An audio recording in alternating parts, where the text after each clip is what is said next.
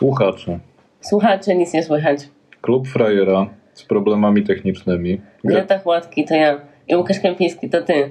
Sprawa jest taka, mam mega tremę, bo nie wiem, czy ten odcinek wyjdzie, bo nagrywamy telefonem w mojej kuchni i nie wiem, no... Zostaliśmy odcięci od nagrywarki, która Tak. zapewniała wam audio przyzwoitej jakości przez pierwsze dwa odcinki. I obawiam się, że będzie...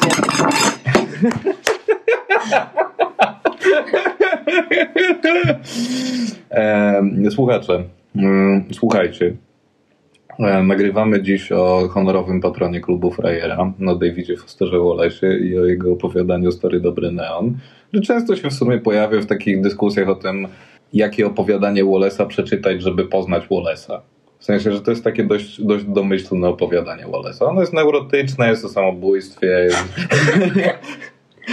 jest e, no korzysta z wielu takich postmodernistycznych trików narracyjnych, kończy się w przypisie. Jest boleśnie szczera, jest wiwisekcją. Jest, tak, no wiwisekcja to jest dobre słowo, nie? W tym sensie, że jak sobie uświadomisz, czym dosłownie jest wiwisekcja, czyli cięciem organizmu na żywo. Tak, ale jest też zarazem bardzo empatyczny i empatyzujący. Wydaje mi się, że ta proza jest też e, jakąś taką próbą empatii ze sobą. Tak, ale najpierw powiemy słuchaczom e, niezaznajomionym z frajerstwem tak boleśnie głęboko jak my, e, kim jest David Foster Wallace i czemu go czytamy. Bo tak się Greta umówiliśmy, że zrobimy. Tak, ale umówiliśmy się, że ty powiesz ważne rzeczy, które trzeba powiedzieć, bo ja nie wiem. David Wallace, słuchacze, był Amerykański... Przestań się trafić, mów do telefonu. Dobra, już mówię. E, David Wallace był amerykańskim pisarzem, był, bo się zabił. E,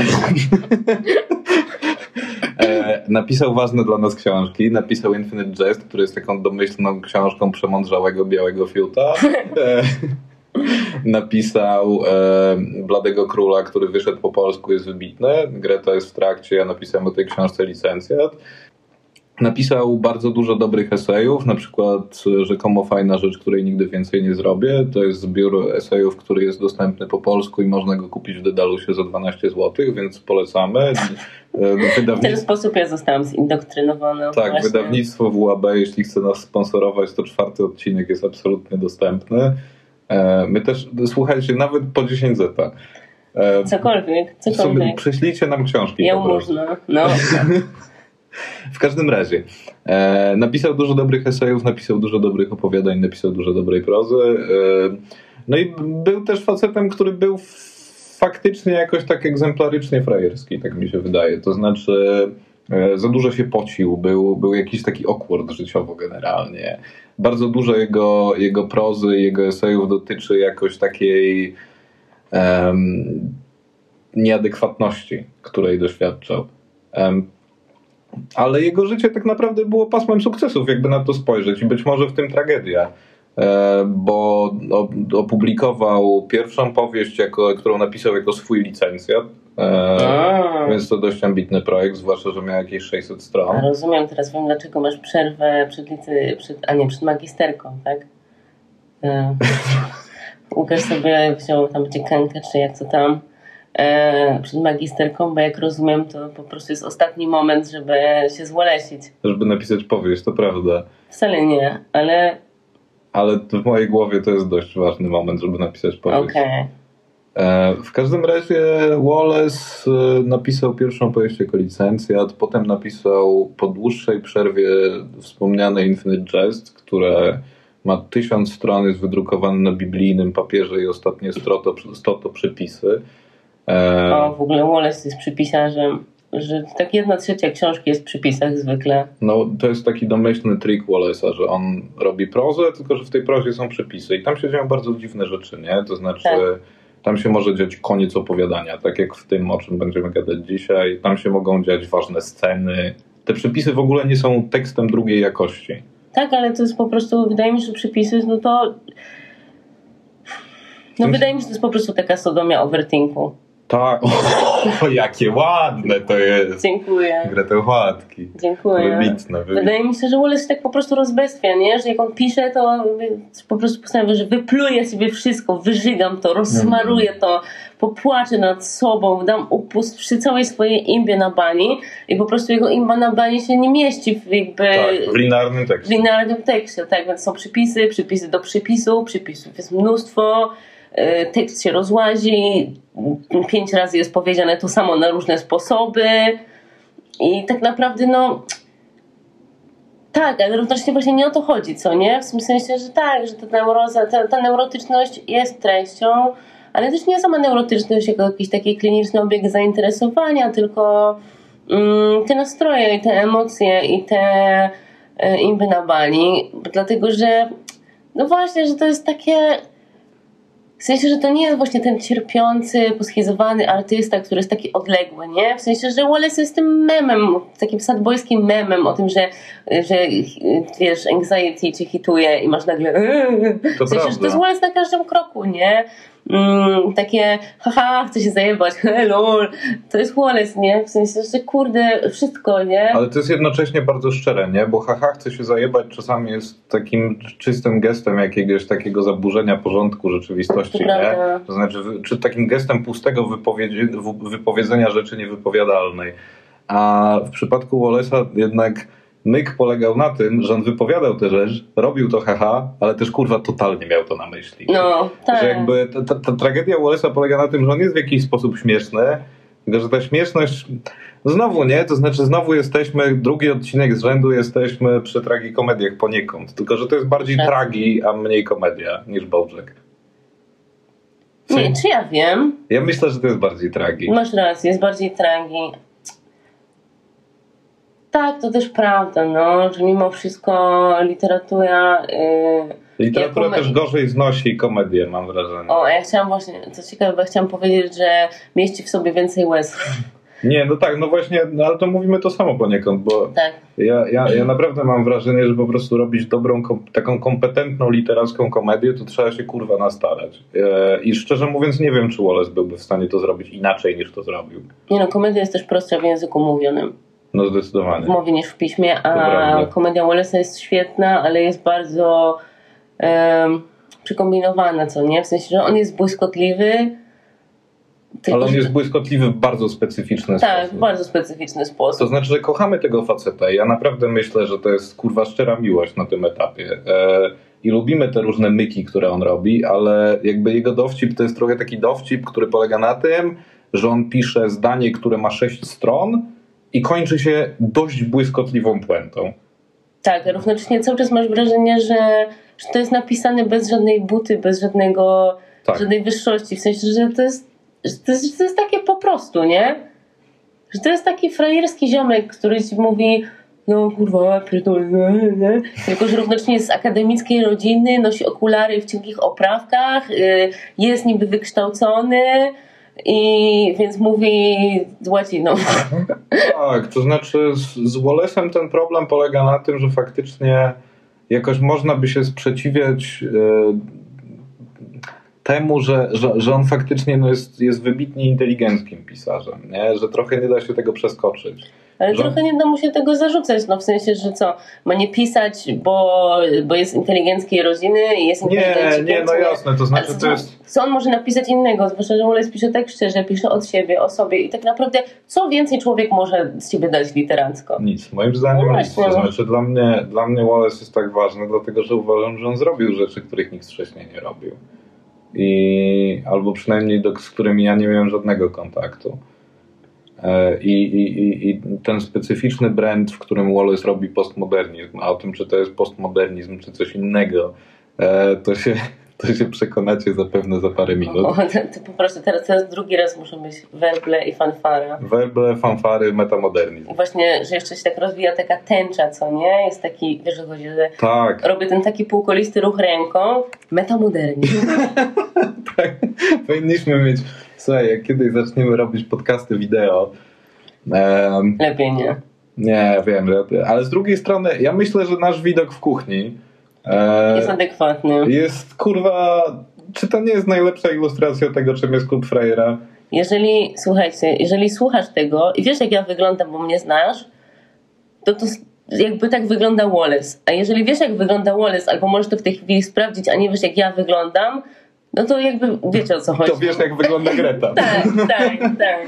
Tylko, że Wallace miał owiniętą bandanę wokół połowy głowy, jakby miał jakiś uraz i wyszedł ze szpitala, bo... A Bał, wiesz czemu miał tę bandanę? tak, bo bał się, że się pocił. Bo się pocił. Tak, tak. I strasznie się tym martwił, no.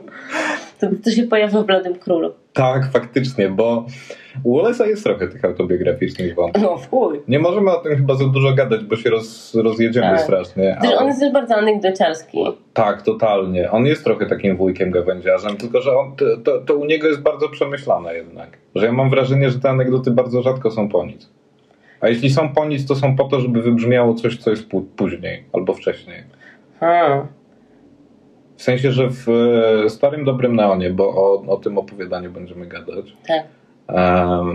jest, em, jest taki moment, w którym pojawia się taka dość, dość długa, dość dygresyjna anegdota na samym końcu. Nie wiem, czy będziemy ją spoilerować, bo ja też, chociaż to nie jest spoiler w sumie. E, Łukaszu, E, prosiłam cię, żebyś za mnie y, Zreferował. zrobił Wikipedia moment, tak. Dobrze, Stary Dobry Neon. Opowiadanie ze zbioru Niepamięć, dostępnego w języku polskim. Przetłumaczone przez Jolantę Kozak, zdaje się. Eee, Łukasz nie ma tego zapisanego, uwaga, Łukasz nie ma tego zapisanego. Jestem pod głębokim wrażeniem. E, wydawnictwo WAB. Rocznik nie pamiętam. Tu mnie macie. Tu mnie macie, nie pamiętam. Em, nie, w każdym razie Stary Dobry Neon to jest, e, to, to, to, tak jak już zdążyłem e, wypalić, to jest faktycznie jakieś takie opowiadanie, które się przytacza w kontekście, wiesz, tego jednego tekstu Wallace'a, który powinieneś przeczytać. E, bo to jest opowieść o kolesiu, który się zabił. Znaczy, narracja jest prowadzona z perspektywy faceta, który wjechał samochodem, rozpędzonym samochodem w filar mostu i umarł. Tak. E, I on opowiada o, o tym, co go doprowadziło do tej decyzji, jak postrzega czas z perspektywy osoby, która nie żyje, a jednocześnie pisze, e, jak sobie radził na terapii, która paradoksalnie doprowadziła go do tego, że się zabił, czy tam powiedzmy, no, jakoś sprzyjała jego, Mhm. jego samobójczym refleksjom. Em, I później na sam, sam koniec pojawia się David Wallace w tym opowiadaniu. Em, nie przypisywałbym tej ob- obecności Wallace'a do jakiegoś takiego sensu, że to była jego samobójcza fantazja. Pewnie na pewno w jakimś stopniu była. Tylko znów, nie? To znaczy to opowiadanie powstało w latach 90., e, a Wallace się zabił w 2008. Tak. Wydaje mi się, że on to napisał to opowiadanie, żeby żeby coś sobie trochę zabić, żeby to jakoś tak wyrzucić z siebie, ale żeby też sobie coś udowodnić. Też miałem trochę wrażenie, że to jest taki, takie wyzwanie, takie bardzo racjonalistyczne wyzwanie rzucone samobójstwo. Tak, że on, on sobie opowie życie po śmierci. tak i mówi sobie, że i doprowadza tą wizję po prostu, te swoje myśli samobójcze doprowadza do końca w tym opowiadaniu. Jest takie i chuj kurwa, nie, jebać to kurwa, będziemy się napierdalać kurwa.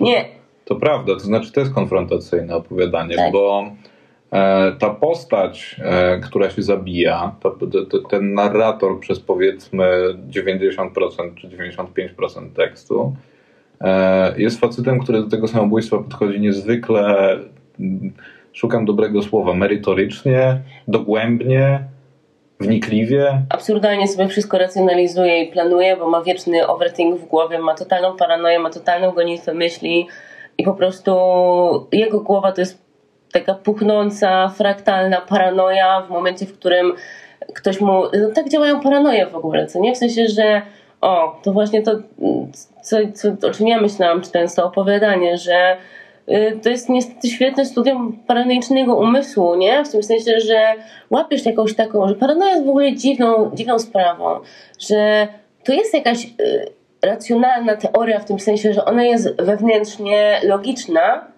i ona nie jest wcale wewnętrznie sprzeczna, tylko jest odklejona, ale jakby jesteś odklejonym umysłem, więc jakby masz inne trochę założenia niż reszta ludzi. I na przykład twoim założeniem jest coś, co jest po prostu nie jest żadnym faktem, tylko jakieś stwierdzenie o sobie, które jest dla, ciebie bardzo toksyczne. I na bazie tego budujesz sobie jakąś taką kurwa kminę, w której jesteś uwięziony, co nie? No i W ten, sensie, że świat tak działa, tylko że bardzo dziwne w tej paranoi jest to, że w momencie, w którym coś się rozbraja i to założenie, ktoś z zewnątrz rozbija to założenie, na przykład w tym przypadku terapeuta w pewnym momencie, to natychmiast ta paranoja wykonuje jakąś taką właśnie kurwa taki ratujący ruch, nie? taki ratujący ruch, teoria spiskowa. Tak, tak, tak. I zaczyna znowu się odchylać pęcz, wyjaśnić, że po prostu to jest tak absurdalne, że twój umysł zawsze znajdzie po prostu, zawsze znajdzie tą ścieżkę, żeby cię udupić, wykona jakieś kosmiczne, niesamowite obroty, zrobi wszystko, kurwa, d- d- wiesz, kurwa, inteligentną, błyskotliwą, y, niesamowitą filozoficznie z punktu widzenia literatury, kurwa,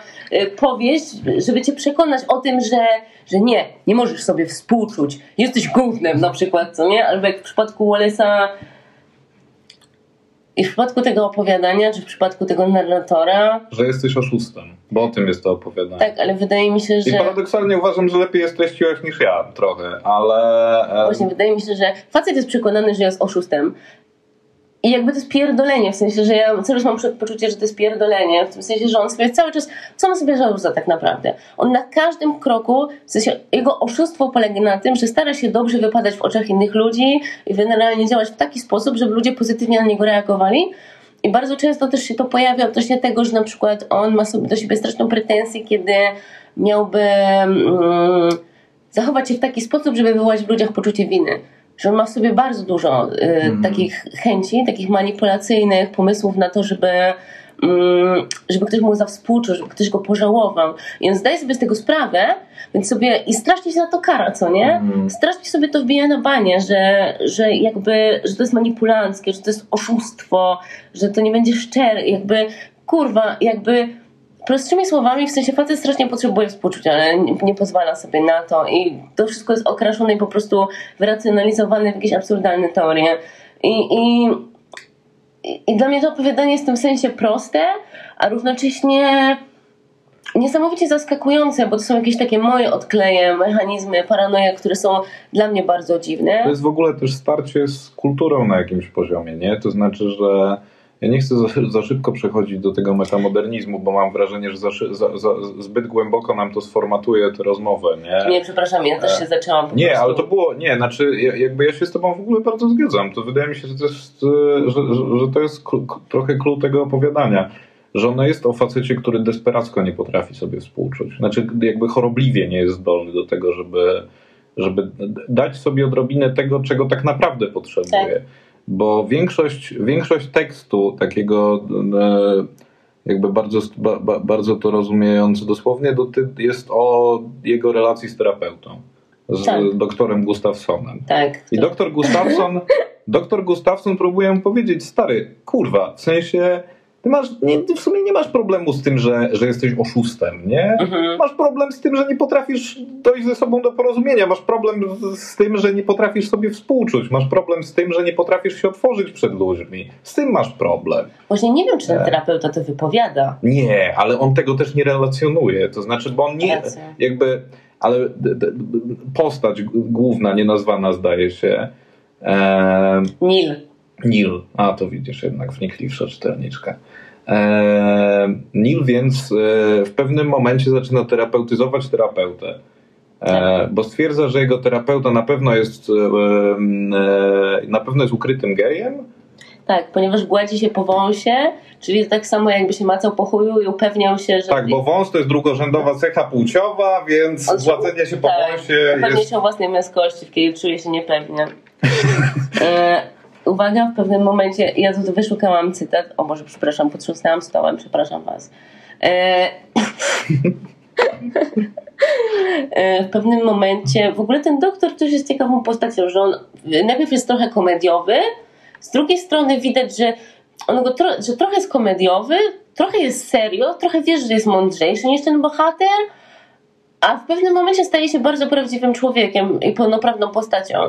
W tym sensie, że Go też tam prawie w ogóle nie ma, to znaczy, że to jest wszystko w mowie zależnej. tak, ale równocześnie czuć, że ta postać y, się z nim, y, że narrator się z nim związuje w czasie tego opowiadania, zaczyna analizować jego problemy, jego w swojej głowie terapeutyzować, ale nawet nie z Ale- poczuciem wyższości, tylko ze współczuciem. A ja właśnie nie miałem takiego Nie? wrażenia. To znaczy, ja miałem wrażenie, że tak samo jak to się pojawia też w kontekście jakiejś jego poprzedniej dziewczyny, tego Nila, Mhm. e, że on ją rozgryza, tak. ale że to nie jest empatyczne rozgryzie, że, Tak, to, że, on ją, że on ją rozgryza jak łamigłówkę.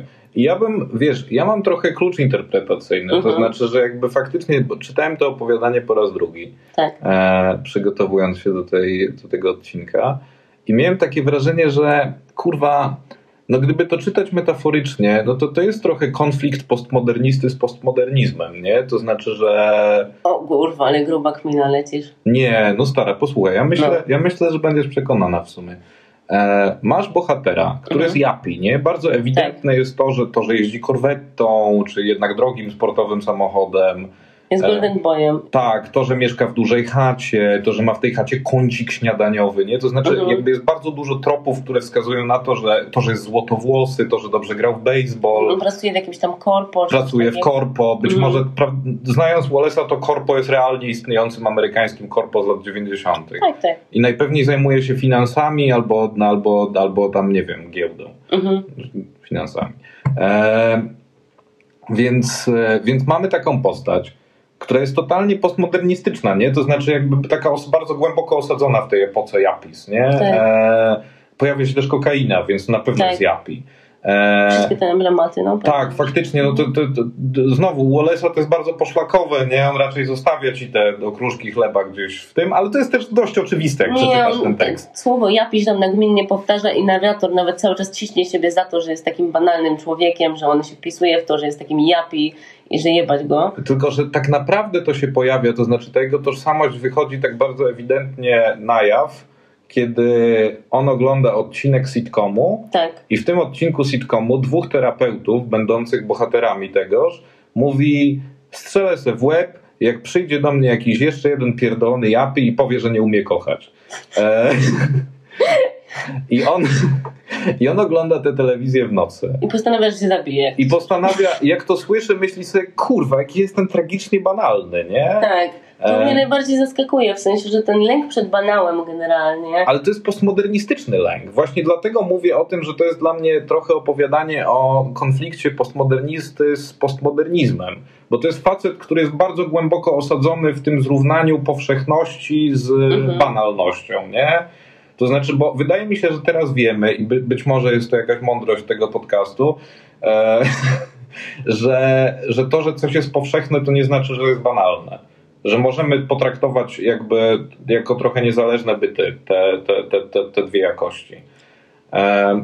A Neil nie potrafi tego zrobić. Nie? To znaczy, dla niego, jeśli coś jest do, doświadczeniem ogromnej rzeszy ludzi, jest doświadczeniem powszechnym, E, czy, czy, czy powszednim nawet, to znaczy, że jest niewiele warte, że jest banalne, że jest e, trywialne, że jest niewarte wypowiadania. Ale ja, mi się wydaje, że to jest głębsze, co nie? W tym momencie, kiedy to się okazuje, że jego lęki zostają wypowiedziane w telewizji i on zostaje wyśmiany, to wydaje mi się, że myśli sobie, że aha, okej, okay, czyli jakby to jest powszechne, to jest normalne, po prostu ludzie tak mają, tak wygląda życie, aha. I to nawet nie jest jakby jakiś problem, po prostu jakby beka, nie? To jest takie klisze, czyli tak jest. Ja myślę, że to mogą być te dwie rzeczy. Tak, nawet. tak, ale wydaje mi się, że w tym też jest coś takiego, że w momencie, w którym jego problem zostaje nazwany i wyśmiany, to jakby, wiesz, przez to, że, że wydaje mi się, że jego, w sensie, że w momencie, w którym on dowiadujesz się, że twój problem jest uważany za banał, no to czujesz się nieważny i masz takie, aha, czy to nikogo nie obchodzi, to jest nieważne. To prawda. To on, on zostaje nazwany banalnym w tym momencie i się tego uczepia kiedy ogląda tę telewizję i potem to powtarza. Tak, no powtarza to dlatego, że obejrzał to w sitcomie, nie? Tak, to tak. znaczy to, to nawet nie był art house o tym, że Japis nie potrafią kochać. Nie, nie, to, oczywiście to był sitcom. To był sitcom, który ogląda, wiesz, jedna druga Ameryki, nie? To był, to, to, to, to, to był jakiś znany tytuł. E, Cheers, zdaje się. Tak. I, jakby, co, to ja się z tobą nie kłócę, wydaje mi się, że to się nie, ja spełnia. Ja, ja, ja też mam takie wrażenie, że to są jakieś jakoś tam tak, komplementarne tak, tak. diagnozy, tylko właśnie uderzyło mnie to, że wiesz, wydaje mi się, że epoka, która jest tak skupiona na, na takim fetyszyzowaniu mhm. jakoś, znaczy paradoksalnym trochę, nie? No bo postmodernizm to jest jednocześnie epoka, która wypowiada nic nie może się stać nowego, a jednocześnie bardzo desperacko jest uczepiona prób znalezienia tego nowego, nie? No przecież po to powstają wszystkie te eksperymentalne formy w prozie, żeby można było wreszcie powiedzieć zrobiłem, zrobiłam coś nowego. Tak, ale wiesz co, właśnie jak coś się określa, e, jak coś jest nazywane takim totalnie postmodernistycznym, to często mi się tak kojarzy, że wydaje mi się, że w tej postmodernistyczności, jako jakimś takim koncepcie czy funkcjonującym, że, że to jest jakiś taki nierozero, niero, nie, nierozwiązywalny dramat, jakieś takie napięcie po prostu, jakieś takie, że to jest narracja końca historii, taka dekadencka trochę. Mhm, mhm. Że jakby to jest taka frustracja i tak, Tak, dalej. masz rację. I taki się dzieje rozpierdol, ale tak trochę nie wiadomo, co z tym zrobić, nie? Yy, że to jest taka trochę tragedia tych bohaterów masłowskich, którzy tak nie mogą wydostać z tej powieści, nie? jakbyś tak przytaczają, krzyczą do siebie. No i Wallace też, on, on będzie tym tematem jakoś chyba żywo zainteresowany w sumie przez całą swoją karierę. Mhm. To znaczy kwestia linearności przekazu, nie? Tylko, że on chyba tego nie traktuje wyłącznie literacko. Wydaje mi się, że na jakimś poziomie to jest dla niego dramat istnienia po Tak. prostu.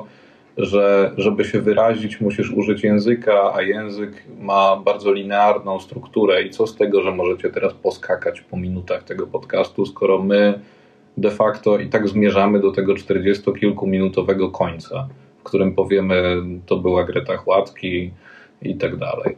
E, nie, nie powiemy tego teraz, bo jeszcze nie kończymy.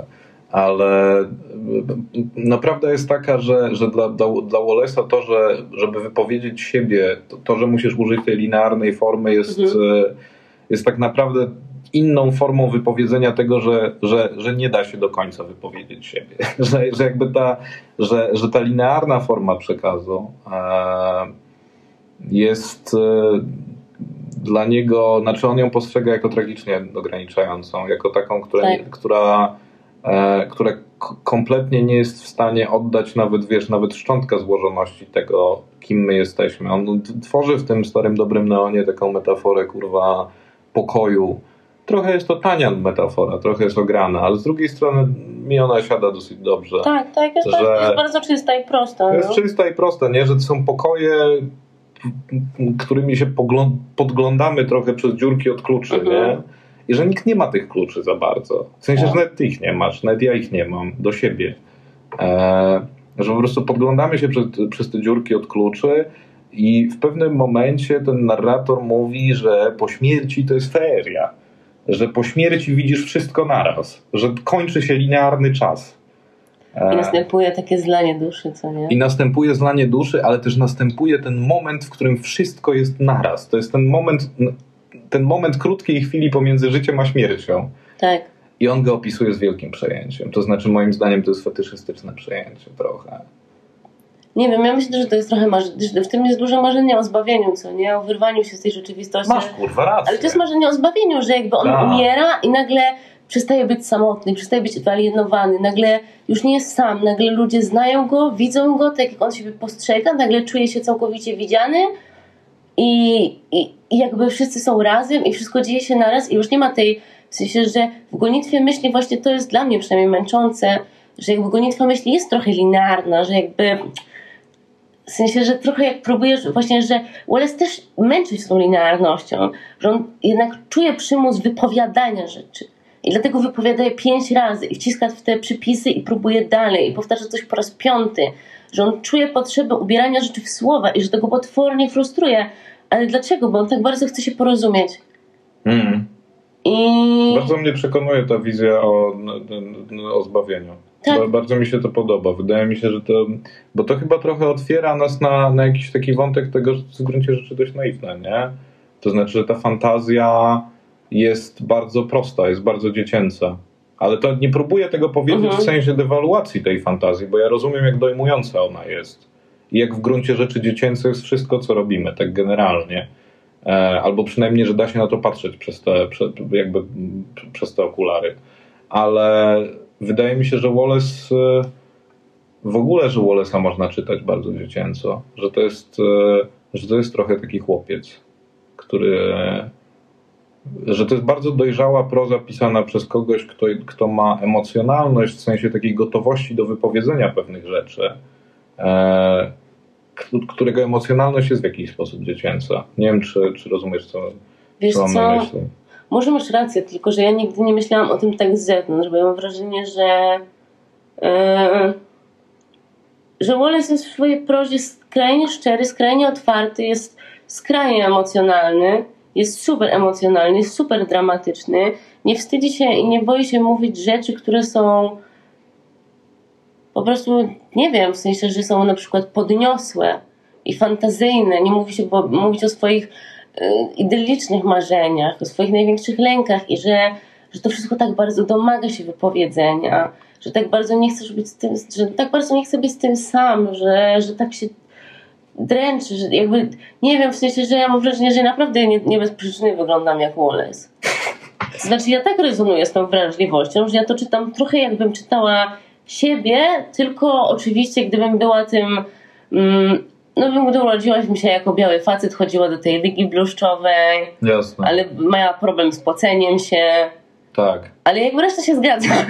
Tak, to prawda. Zgadza się książkarstwo, zgadza się wrażliwość. Ja myślę, że ja na jakimś poziomie też z tym bardzo głęboko rezonuję. No nie bez przyczyny to jest facet, którego czytam praktycznie od roku, trochę bez przerwy. No właśnie, ja bym cię chciała to spytać, bo Eee, ja bym tylko wrzucił jeszcze, że, że, że, faktycznie styl Wallace'a jest, e, jest, jest, jest stylem faceta, który nie chce utracić ani trochę rzeczywistości. Nie? Znaczy, że, tak.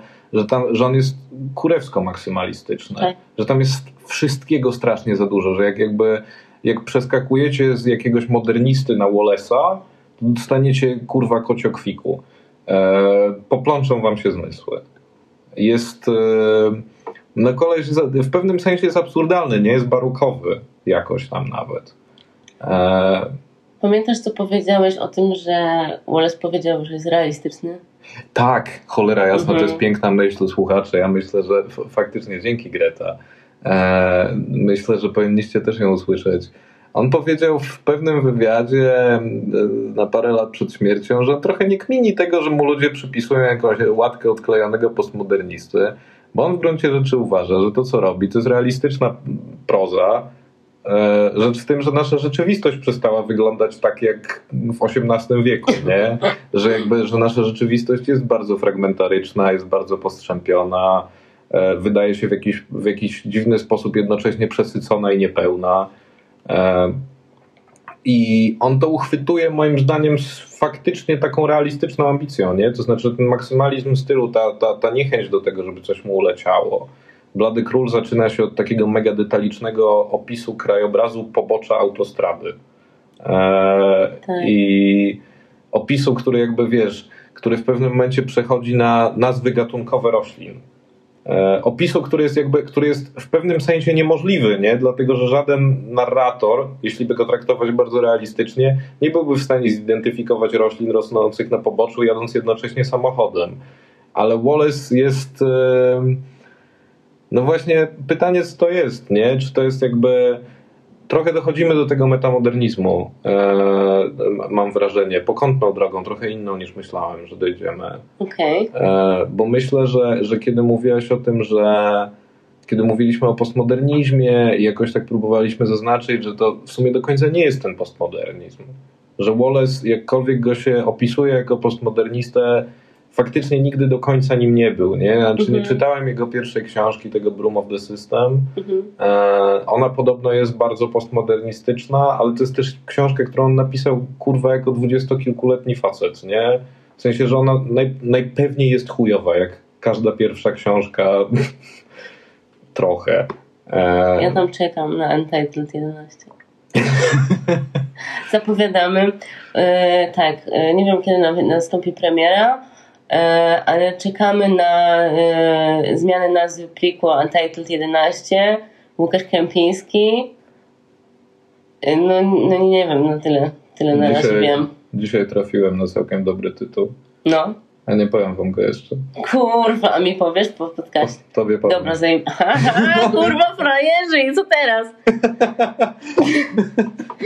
nie, no więc jakby e, myślę, że dochodzimy do tego metamodernizmu trochę bocznymi drzwiami, nie? No bo skoro już, skoro mamy jakoś oboje takie wątpliwości co do tego statusu Wallace'a jako postmodernisty, bo nam się jednak ten postmodernizm, nie wiem jak wam słuchacze, no ale nam się jednak chyba kojarzy trochę z cynizmem, nie? Że, mhm. że, że, że ten postmodernizm moim zdaniem w starym dobrym neonie jest głównie symbolizowany przez postać, znaczy przez postać, przez ten serial. E, w ogóle Wallace jest bardzo telewizyjny, nie? To znaczy, że jest jego taki esej e, e, De Pluribus Unum e, w tym zbiorze. Nie pamiętam, jak to się nazywa. Rzekomo fajna rzecz, której albo E Unibus Pluram chyba to jest w każdym razie rewers motta Stanów Zjednoczonych. Trochę już nie pamiętam, w którą stronę one szło. Ale... Spoko, nikt tego nie wie. To prawda. Ale no zawsze można spytać Siri, nie? E, ale no my nie możemy, bo nagrywamy. Ale sytuacja, sytuacja jest taka, że, że, że dla niego ta telewizja, ta postmodernistyczna, taka sitcomowa telewizja, była ważnym kontekstem i ona się pojawia, w sensie, że, że, że on dostrzegał w niej trochę źródło jakiegoś takiego szczerego zła, mam wrażenie. To znaczy, to, to, to jest faktycznie pisarz moralista i nam te 40 minut za chuj nie starczy, żeby wypowiedzieć wszystko, co chcemy. To prawda. E, I czuję, że trochę skaczemy po wątkach po to, żeby wypowiedzieć wam jak najwięcej rzeczy, które nam się wydają tak szczerze, kurwa, fascynujące. Tak, nie? no. E... Jesteśmy tak naprawdę... W sensie, że Jesteśmy też trochę klubem fanów Wallace'a. Tak, no Wallace jest, jest honorowym tak. frajerem, to chcieliśmy chyba powiedzieć tak. na początku. No ale, ale mamy, mamy taką sytuację, w której, w której ten Wallace jakoś zna te sitcomy, ogląda je mhm. jest, e, jest jednocześnie nimi zafascynowany, a z drugiej strony widzi w nich e, źródło jakiegoś takiego cynizmu, nie? Takiego, tak. e, takiej nieczułości świata. Że, że jakby trochę tak jak mówiliśmy w zeszłym odcinku o tym, że, że, że twórcy zdają się być, zdają się dopiero niedawno odzyskiwać zainteresowanie wpływem ich sztuki na odbiorcę. E, Smutne, dobrze, dobrze. No to jest dobra zmiana, aczkolwiek no, taka spóźniona, powiedzielibyśmy chyba. E, ale no mamy sytuację, w której on to ogląda, widzi, że to jest jakoś toksik trochę, to znaczy, że to, że ci bohaterowie się śmieją, kurwa, z poważnych uczuć, nie? Że jakby... Nic nie jest na serio. Tak, że robią sobie pizdę z bani w sumie tylko po to, żeby zapewnić, na, na, nawet widz się już nie musi śmiać, nie? To znaczy żadnego afektu, żadnego afektu nie musi tak naprawdę przeżywać, dlatego, że katarzis nie dostąpi, bo to jest za głupie, a śmiać się nie musi, bo robi do niego mm, dźwięk z puszki, nie? E, więc tak naprawdę siedzi i, i, i, i co robi? Egzystuje, nie? To znaczy jakby jest karmiony tak naprawdę. To prawda. Tylko, że Wallace nie postrzega tego chyba w jakichś takich spiskowych kategoriach, wiesz, tego, że odmurzają cię teraz. Nie, tylko, że jakby ty się chcesz odmurzać. Jakby każda, każdy element twojego istnienia chce uniknąć trudu. Zawsze. Nie? To znaczy, że jakby kiedy zastanawialiśmy się, czy nagrywać ten podcast na telefonie, czy odpuścić sobie może na święta, no mhm. no bo strasznie nie chciałem go nagrywać. Męczyłem się z tą wizją, że będę musiał przez 40 minut siedzieć. I wiem, że sprawia mi to przyjemność teraz. Nienawidziłem tej perspektywy jeszcze 37 minut temu. Bo mogłem robić rzeczy, które są dużo prostsze. I mam wrażenie, że o tym tak naprawdę jest ten Wallace. Eee, o jakimś takim wiecznym konflikcie tego, d, d, d, nie, może nie konkretnie stary dobry neon, nie? Ale Blady Król już na pewno, że to jest powieść o mierzeniu się z trudem. Eee. Tak, wydaje mi się, że to są te elementy, w których, e, to są te momenty, w których tobie Wallace jest bardzo bliski, a mnie nie. O, ale to ciekawe. Trochę mówiliśmy o tym, e, ja już zdążyłam trochę powiedzieć o tym, gdzie, gdzie, w których momentach ja jestem Wallace'em, Wallace jest mną, a jeżeli chodzi o ciebie, to też mam wrażenie, że tego jest dużo, ale też są, jakby, że nie wszystkie momenty dzielimy. A to jest bardzo interesujące, nie? że znajdujemy w tym kolesiu w sumie takie zupełnie bo te rejestry nie są kompletnie zbieżne, nie? Że nie. nie są całkiem osobne, ale też nie są tożsame. W tym opowiadaniu znajduje się wykres logiczny, e, w sensie, że tam są literki, cyferki i tak dalej, te zbiory i tak dalej, więc myślę, że też by tutaj się przydał. To prawda, ja myślę, że Wallace, Wallace mógłby nas rozpisać. Nie, bo on się w ogóle zajmował logiką formalną. On, on, on, on jakby zrobił chyba licencję z filozofii, ale on robił najnudniejszą możliwą filozofię. E... Tak, i to jest gdzieś bardzo piękny cytat o logice, ale Zapomniałam. Tak, no myślałam, to... że do tego zapisałeś. Uniknijmy może ciszy, bo ja faktycznie dobrze, dobrze. też zrobiłem trochę tych. No, ostatecznie możemy to pociąć. Możemy to pociąć. Łukaszu, a mogę Ci zadać takie zasadnicze pytanie? Dawaj. Okej. Okay. E, w jaki sposób jesteś Wallace'em? W jaki sposób Wallace jest Tobą? Wiesz co, ja myślę, że w takim poczuciu lęku przed tym, że życie jest trudne, mhm. że, że to jest wysiłek i że on się nigdy nie skończy. Mhm. I że wszystkie rzeczy, które męczą mnie teraz, prawdopodobnie będą mnie męczyć bardziej. E, i że trochę nie ma wyjścia. I to, to, to mi się wydaje, że ten taki fundamentalny, ale też strasznie znów, znów banalny lęk, nie? Że my, mam wrażenie, że my nadal jesteśmy w tym klinczu, który Wallace rozpoznał 30 lat temu. Że się nie, niewiele wcale zmieniło, że my ciągle jesteśmy w tym, w, tym, w tym poczuciu, że pewnych uczuć nie należy wypowiadać, bo one są zbyt banalne. Łukasz to wcale nie jest banalny. Ja, ale oboje to wiemy, że to nie jest banalne. Nie, inaczej chodzi mi o to, że to nawet nie jest powszechne.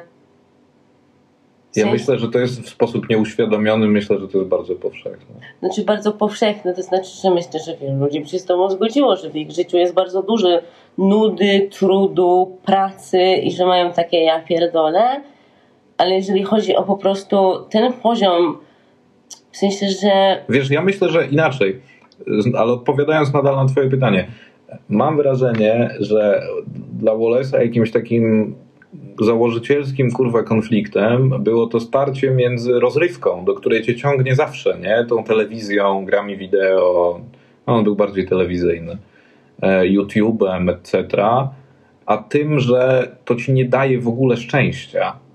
Że, że, że, że, że możesz się rozrywać w jakikolwiek chcesz sposób i być może słowo rozrywać się ma, jest tutaj znaczące, E, ale dopóki nie podejmiesz trudu tej, tej pracy, nie? tego nagrania podcastu, napisania książki, e, no, nie wiem, zrobienia czegoś, e, to, że będziesz się mę- męczył chyba, że to jest dla mnie ten konflikt, że, mhm. że, że trzeba się mierzyć z tym trudem i w tym sensie Wallace znów jest moralistą, nie? Że on, on bardzo często w tych książkach w bardzo nieoczywisty sposób podaje ci w gruncie rzeczy takie kurwa dostojewskie prawdy moralne. I mi się wydaje znów, że to jest szalenie odważne jak na, jak na XXI wiek. tak, to E, prawda. że, że masz faceta, który jest trochę postmodernistycznym tricksterem na, na jednej mańce, a na drugiej masz kolesia, który jest totalnie empatyczny i który ci mówi Bardzo duże rzeczy. pozwól sobie, nie wiem, na przykład współczuć sobie, albo otwórz się na to, żeby się nudzić. E, pozwól sobie nie robić nic i zobacz, jak się czujesz. I to są takie prawdy, które wypowiada ci terapeuta.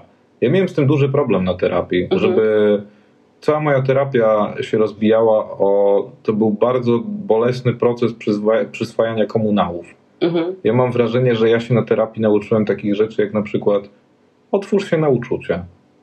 E, pozwól sobie wypowiedzieć przyjaciołom, że ich kochasz. Mhm. E, bądź czuły wobec siebie samego. To są takie rzeczy, których się uczysz na terapii. I ja mam wrażenie, że przez to, że ja to jakoś, że ja się otworzyłem w ogóle na taką perspektywę, że te rzeczy można poczuć, że je też jakoś, że one we mnie głębiej rezonują u Wallace'a. E, I chyba w tym sensie jestem Wallace'em. Ja nie wiem, czy to jest, czy, czy, czy, czy, czy, czy, w gruncie rzeczy odpowiadam na twoje pytanie, ale myślę, że tak. Tak, to jest bardzo mądra odpowiedź bardzo głęboka. Ale dziękuję, że mi odpowiedziałeś. Nie, no jasne. Ale wiesz, stary też. E, może jeżeli chodzi o drugą część tej odpowiedzi, to, mm, to nie, to mniej. Ale jeżeli chodzi o sam początek, o to, że facet ogląda telewizję, jest podłączony do kroplówki z telewizją, ale w sumie nie ma siły nawet wstać z tej kanapy i pewnie będzie zadowolony, jak to zrobi, ale to będzie go kosztowało absurdalny wysiłek. I jakby wiesz, w sensie, że to Wallace tak robi i ty też tak robisz, co nie? Mhm. No i jakby wiesz, yy, okej, każdego, każdy w życiu przeżywa wiele trudu, wiele nudy. Yy, od każdego życie wymaga wielu sił, ale nie każdy ma depresję. To prawda, jestem bardzo zdziwiony, że ludzie nie mają depresji. To znaczy, no, jestem w takim, wiecie, no, wystarczy wyjrzeć za okno. Za naszym jest śnieg i wyjeżdżone czarne ślady. E, więc y, konkluzja taka, że nawet solą nie zdążyli sypnąć. E, ale ja, ja, ja do końca sobie nie wyobrażam życia zimą bez druzgoczącej depresji. Tak szczerze mówiąc. Znaczy, że, że szczerze, ja, ja, ja mam wrażenie, że ja tak żyję od zawsze. Że ja każdą zimę wspominam tak, jak czuję zimę teraz. Hmm. Czyli jako doświadczenie, które jest radykalnie nieprzyjemne, dosyć smutne, wydaje się niekończące i za każdym razem jestem zaskoczony, kiedy nadchodzi znowu. Ale nie kończmy tą myślą. Nie, nie, nie, ale takie czasem cisza jest potrzebna, żeby coś wybrzmiało. Mm. Ja się tak zastanawiam. Kurde, ale dużo jest też rzeczy, które. W sensie, że Wallace też jest bardziej. E, jakoś, jeżeli odnosimy się do diagnoz, to Wallace. Powiedziałeś o tym, że Wallace jest dziecięcy. Tak mi się wydaje, że można by go tak W czytać. jakiś sposób, co nie? W tym sensie, że z kolei moja, z kolei moja diagnoza często jest tożsama z tym określeniem, że twoje, że, że moje uczucia mają być właśnie dziecięce, naiwne, e, wszystko jest dużymi literami, wszystko jest super udramatyzowane, że trochę nie ma takiego rozpoznania, nie ma dystansu. Nie ma dystansu i trochę nie ma rozpoznania, że trochę wszystko krzyczy i wszystko jest gołe i nic nie jest po- postmodernistyczne. Tak, no bo Metamodernistyczne jest dopiero w drugiej kolejności, a w Wyjaśnijmy. pierwszej chwili jest po prostu jest po darcie prostu. mi japy. Je- Znaczy jest po prostu, nie? Tak. Wyjaśnijmy te różnice tak dla porządku, nie? Bo ja też nie chcę, żeby e, nasi słuchacze, cześć słuchacze, Czy słuchacze? e, poczuli się wyalienowani. No, te, te, te różnice postmodernizm a metamodernizm rozumiemy w ten sposób, że, e, że, że to drugie, metamodernizm, jest faktycznie jakąś próbą odarcia postmodernizmu z takiej dobijającej, nie pozwalającej wypowiedzieć żadnej naiwnej myśli e, ironii, nie? Że jakby postmodernizm jest cyniczny po prostu, jest, jest, jest jakoś taki nieszczery w tym wszystkim, jest Mhm. trochę za bardzo heheszkowy.